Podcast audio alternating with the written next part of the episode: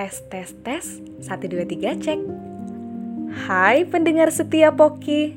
Ketemu lagi sama aku Zahra yang bakalan mandu perbincangan seru kita di podcast kali ini. Wah, gak kerasa ya, kita udah cukup lama nih gak bincang-bincang bareng. Pada kangen Poki nggak? Kangen lah, masa enggak? Aku aja kangen banget loh sama kalian. hari demi hari berlalu, bulan demi bulan beralih, tahun demi tahun berganti, dan kita semakin bertumbuh. Menapaki kehidupan yang banyak rasanya. Kayak permen nano-nano? Eits, bukan endorse ya teman-teman. Kalian apa kabar? Liburannya seru? Semoga senantiasa sehat dan tetap semangat sekuat tenaga dengan hembusan angin terus melaju terbang menjalani hari-hari yang keras demi mencapai mimpi-mimpi yang luar biasa. Kayak lagu yang satu ini nih. Hidup bagaikan pesawat terbang. Pesawat kertas gak sih kak? Loh, kertas ya? gomen, gomen. Kayaknya aku harus lihat liriknya dulu deh sebelum nyanyi. But never mind, beralih dari nyanyi-nyanyian, langsung aja nih kita masuk ke pembahasan podcast kali ini. Pada penasaran dong kita bahas apaan kali ini? Nah, kita bakalan bahas tentang self-improvement. Mode serius dimulai. Tentu aja aku nggak sendiri, di sini ada Teguh dan Akila yang bakalan nemenin aku buat ngulik tuntas seputar self-improvement. Mana nih Teguh sama Akila? Halo semuanya, gue Teguh. Halo semua, kenalin gue Akila, bagian dari tim Poki yang juga akan nemenin kalian para pendengar setiap Poki ke depannya. Salam kenal ya, dan jangan bosan dengerin ocehan gue. Iya, iya deh, gak bakalan bosen mantep banget emang abang-abang kita ini, ya gak guys? Well, ngomong-ngomong soal self-improvement, pada tahu gak nih apa itu self-improvement? Gue tahu kak. Di, jelasin dong gue, apa itu self-improvement versi lo? Self-improvement versi gue ya. Self-improvement itu adalah segala bentuk upaya dari diri lo sendiri untuk meningkatkan hmm. baik itu kemampuan diri diri ataupun kesadaran diri dan keterampilan. Sehingga kualitas hidup dengan tujuan itu menjadi lebih baik daripada yang sebelumnya kayak versi terbaik lo gitu. Mis misalkan nih kayak ih masa gue kayak gini terus sih? Kayak sedih kecewa murung jadi beban kayak gitu kan. Kayaknya gue harus berubah deh. Gue harus ningkatin kualitas dari diri gue ke yang lebih baik. Kurang lebih sih kayak gitu ya. Itu artinya semua orang bisa ngelakuin hal tersebut kan ya? Karena dalam meningkatkan kualitas dan pengembangan diri, setiap individu harus punya kemauan untuk berubah. Iya, bener banget. Kemauannya juga harus berasal dari diri lo sendiri ya. Dari diri kita sendiri, bukan dari orang lain. Dan self improvement itu juga dapat dilakukan siapa aja dan siapa aja, di mana aja dan kapan aja sesuai dengan gimana cara lo mengaplikasikan self improvement itu sendiri bagi bagi diri lo. Keren keren, 100 buat lo. By the way Akila, sekarang giliran lo. Gue mau nanya nih, lo kan hobi banget tuh baca buku. Pasti udah banyak dong buku-buku yang lo baca. Salah satunya yang bertemakan self improvement. Gue kepo deh, Sebutin dong satu buku self improvement yang lo suka banget dan lo pengen rekomendasiin ke pendengar setiap Oki. Hmm, buku self improvement ya. Gue baru-baru ini baca buku yang judulnya How to Be Free. Itu karyanya karyanya Epictetus. Uh, for your info, buat buat yang belum tahu, Epictetus sendiri itu seorang filsuf Yunani kuno yang terkenal dengan stoikisme atau kalau kalian asing dengan istilah stoikisme, stoikisme itu kayak ilmu mengendalikan dan menangkan diri terhadap suatu masalah yang kita hadapi. Nah, kebetulan banget nih lagi trending ya masalah stoik-stoik di kalangan anak muda. Karena katanya hidupnya pada nggak work-life balance nih. Tapi banyak juga miskonsepsi mengenai stoik itu sendiri.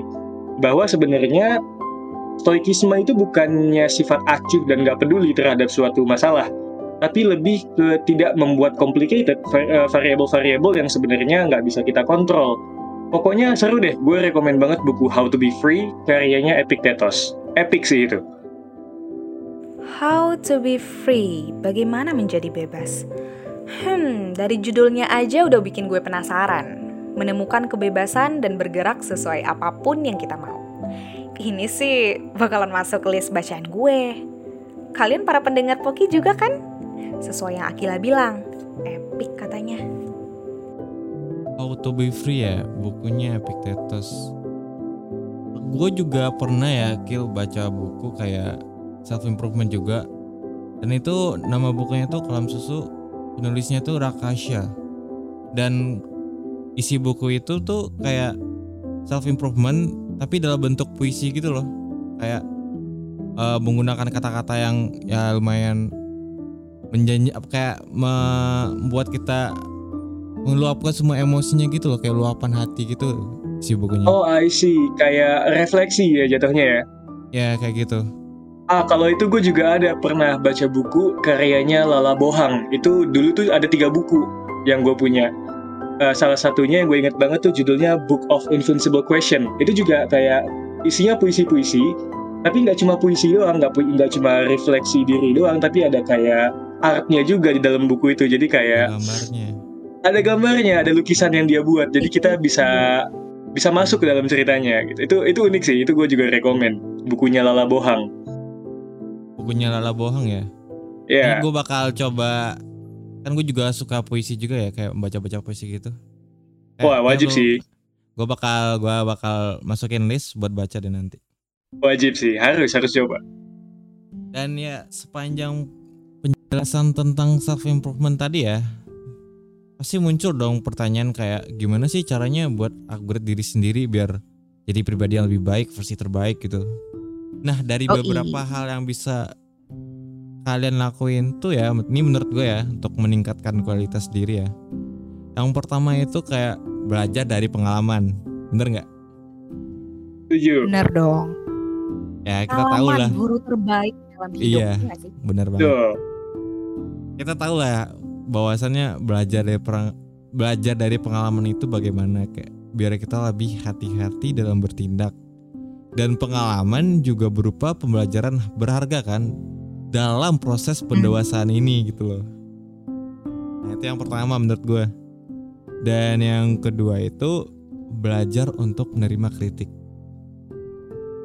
Dan menurut pengalaman pengamatan gue ya ada orang yang suka dikritik dan juga ada yang nggak suka dikritik. Nih bagi orang-orang yang nggak suka dikritik nih, cobalah untuk menerima kritikan dari orang lain. Walaupun sebenarnya kritikan itu kecil ya, hal-hal yang kecil, namun juga bakal berguna. Coba menerima kritikan orang lain itu, lihat kritikan kritikan tersebut tuh positif nggak untuk lu gitu. Dan cobalah untuk kayak berpikir objektif. Apakah kritikan itu baik bagi diri lo dan mempertimbangkan sesuatu yang nyata bagi diri lo sendiri gitu loh. Itu yang kedua ya. Dan yang ketiga itu menurut gua coba untuk kelili- kelilingi diri lo dengan banyak orang tapi dengan cara pandangnya itu baik loh kayak cara melihat cara melihat dan bersikap dia tuh baik kalau dan yang keempat ini yang yang paling paling susah sih. Berdamai dengan diri sendiri. Halo. Dengan dengan berdamai dengan dengan berdamai dengan diri sendiri nih seperti kayak oke lah gue salah nih di bagian ini. Ataupun gue kecewa deh dengan keputusan yang lo ambil. Ataupun ditinggal seseorang yang lo sayang kayak orang tua dan itu kan memerlukan waktu untuk menerima itu semua ya. Dengan sudah Iya, ikhlas benar. menerima itu semua kita dapat berdamai dengan diri sendiri. Kayak mencoba bangkit dari itu semua. Ya nggak nggak langsung bangkit sih. Lu ber, lu perlahan aja gitu. Perlahan dan mencoba untuk menerima semuanya. Dan keluar dari masalah tersebut dari keterpurukan itu kan.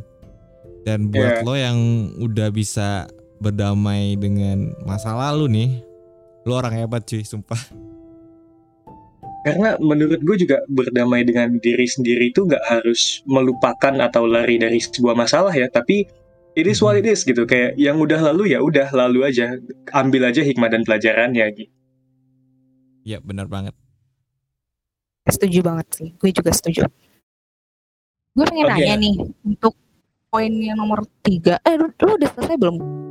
Udah gua gua adanya empat menurut gua empat itu aja sih yang penting bagi gua. Gue pengen nanya nih untuk poin yang kedua. Tadi mau bilang belajar untuk menerima kritik kan? Pernah Iya. gak sih lo tuh ketemu sama orang yang kalau lo kritik dia gitu, dia tuh nggak nerima gitu. Dan apa yang lo lakuin ketika lo sekarang kayak gitu? Yang gue lakuin ya kalau ngekritik orang lain cara kita berkomunik cara kita menyampaikan kritikannya itu harus diperhatikan gitu loh. Lu lu coba kritik dia dengan bahasa yang baik, jangan terlalu menengkak meneng apa menyerang dia gitu. Coba ini cara lu kayak gini nggak boleh. Coba baik-baik ngomongnya gitu kan. Dan yang siang kita kritik nih coba untuk dengerin dulu dan coba untuk cermati yang kita kritik yang kita kritikin ke dia tuh baik nggak positif nggak gitu ada solusinya nggak gitu dan kalau udah kalau gue udah ngasih kritikan ke dia tuh ya, lo nggak boleh gini baik-baik ngomongnya habis itu ya kita bilang ya udah lo nggak boleh gini harusnya kayak gini mungkin kayak gitu dong sih Oke, berarti komunikasi ya. Emang komunikasi itu penting banget sih. Kalau kita salah aja tuh ngomong, bisa jadi Iya. juga semua. Gitu. cara bahasa ini kan banyak ya cara penyampaian bahasa ini ya. Kalau nada bicara aja tuh bisa mempengaruhi seseorang loh. Itu bener. gue juga pernah nulis kayak gitu kan. Cara bah cara nada bicara cara bahasa tuh mempengaruhi si hati orang lain juga kayak gitu. Kadang kayak kita textingan nih kita ngechat um, salah titik atau salah caps lock aja tuh bisa beda. Mak- beda maksudnya. artian. Hmm, betul. Iya, iya. Dan kayaknya itu juga balik lagi nggak sih sama si penerimanya. Kadang kan kita juga nggak bisa maksain gitu kan. Orang itu sepemikiran sama kita. Mereka juga pasti punya hal yang berbeda gitu. Sehingga apa Benar. yang kita juga masuknya beda. iya bener Nah, selain belajar dari pengalaman, belajar menerima kritik, atau berada di sekitar orang-orang yang baik dan berdamai dengan diri sendiri, kalian juga bisa, yang pertama itu tidak terlalu memaksakan diri sendiri dan selalu memendam beban sendirian. You don't have to go through everything alone. Jangan pernah takut untuk minta tolong ke orang lain atau se- sekedar cerita ke teman terdekat atau bahkan keluarga kita sendiri. And know your limit. Kadangkala nggak ada salahnya menerima limit kita sendiri, biar kita bisa tahu nantinya sejauh apa kita udah berprogres. Yang kedua, mengisi kekosongan dengan hal yang disukai. Kalian pasti punya at least satu atau dua hal maupun kegiatan yang kalian suka banget lakuin kan? Entah itu nonton film, nulis cerita, baca buku, main musik, olahraga, atau bahkan sekedar cuma nontonin ikan arwana mondar-mandir dalam akuarium di rumah. Nggak ada masalahnya, nggak, nggak, nggak masalah kok. Maybe it's not everyone's, but it's yours. Jadi enjoy. Yang ketiga, hargai dan apresiasi diri sendiri terhadap hal-hal kecil. Kalau gue sendiri, gue suka banget nih ngasih diri gue self-reward setelah ngelewatin hari-hari yang exhausting. Walau cuma sekedar beli camilan, atau jalan-jalan sendiri sambil dengerin musik, atau beli barang-barang kecil yang bikin kita senang, you totally deserve it. Karena kan ya yang berjuang juga kita untuk diri kita sendiri, jadi nggak ada salahnya kan untuk ya untuk memanjakan diri sendiri gitu loh, kayak reward untuk diri sendiri. Yang keempat itu mencari tempat yang dirasa nyaman untuk berpikir mengenai masalah yang lagi kita hadapin. Nah ini berhubungan juga nih sama poin pertama yang gue bahas tadi. Nggak ada salahnya kok nyeritain unek-unek atau keluh kesah yang kita punya ke orang-orang yang kita percaya. Dan gue yakin mereka juga dengan senang hati ngebantu kita. Kalau kalau orangnya emang tepat, jadi hati-hati juga milih orang yang kita percaya. Gitu. Itu aja sih menurut gue. Gue Eh, tapi gue sih mau nanya nih. apa tuh Ya, ya gue juga setuju sih. Untuk poin yang pertama itu kan kita nggak boleh terlalu memaksakan diri dan terlalu memendam beban sendirian kan. Ini juga berhubungan sama masalah yang kita hadapi. gitu. Kalau ini ya, cerita dikit gitu. Kalau gue ada masalah, gue tuh cenderung suka mendem itu sendiri dan gue gue pun menyelesaikannya itu sendiri. Kalau kalian gimana sih kalau misalnya kalian ada masalah gitu kan? Kalian cenderung orang yang nyimpan itu sendiri atau cerita ke orang lain dan minta saran juga ke orang lain? Nah, kalau gue ya jujur, gue juga kayak gitu sebenarnya. Gue mendem sendiri karena gue nggak mau kayak ngapain sih orang lain juga punya masalah gitu. Ngapain gue ngebebanin orang lain dengan masalah yang udah gue punya kayak Iya. deal with my own problem gitu loh. Kalau selagi gue bisa. Tapi kalau udah bener-bener buntu banget nih, ya udah desperate dan gak ada jalan keluar, mungkin gue baru baru minta tolong sih atau cerita ke orang lain gitu. Oke. Kalau teguh gimana? Hmm, kita kurang lebih sama sih. Gue juga kalau ada masalah itu gue itu ya. dendam Sama ya. men, gue mendem dulu nih gini gini ini gue gue misalkan ada masalah nih gue pendem dulu nih masalahnya kan abis itu gue pergi ke tempat yang gue nyaman yang poin keempat lo tadi tuh Ah, I gue cari tempat nyaman gue mikir kan gue mikir masalah-masalah yang yang ada nih gue coba pikirin gimana sih kenapa sih kayak gini? Gimana gue harus ngapain ya? Pokoknya ada kayak dua hari sehari lah gue cari tempat yang nyaman. Biasanya gue kalau tempat nyaman tuh kan gue ngekos ya ngekos jauh dari rumah. Ya gue balik dulu dong ke rumah. Soalnya rumah tuh tempat nyaman gue Oh, balik ke kamar balik ke kamar, Kamar. ke rumah nah gue mikir lagi kan sambil denger musik kan. Gue mikirin tuh masalah yang ada kan.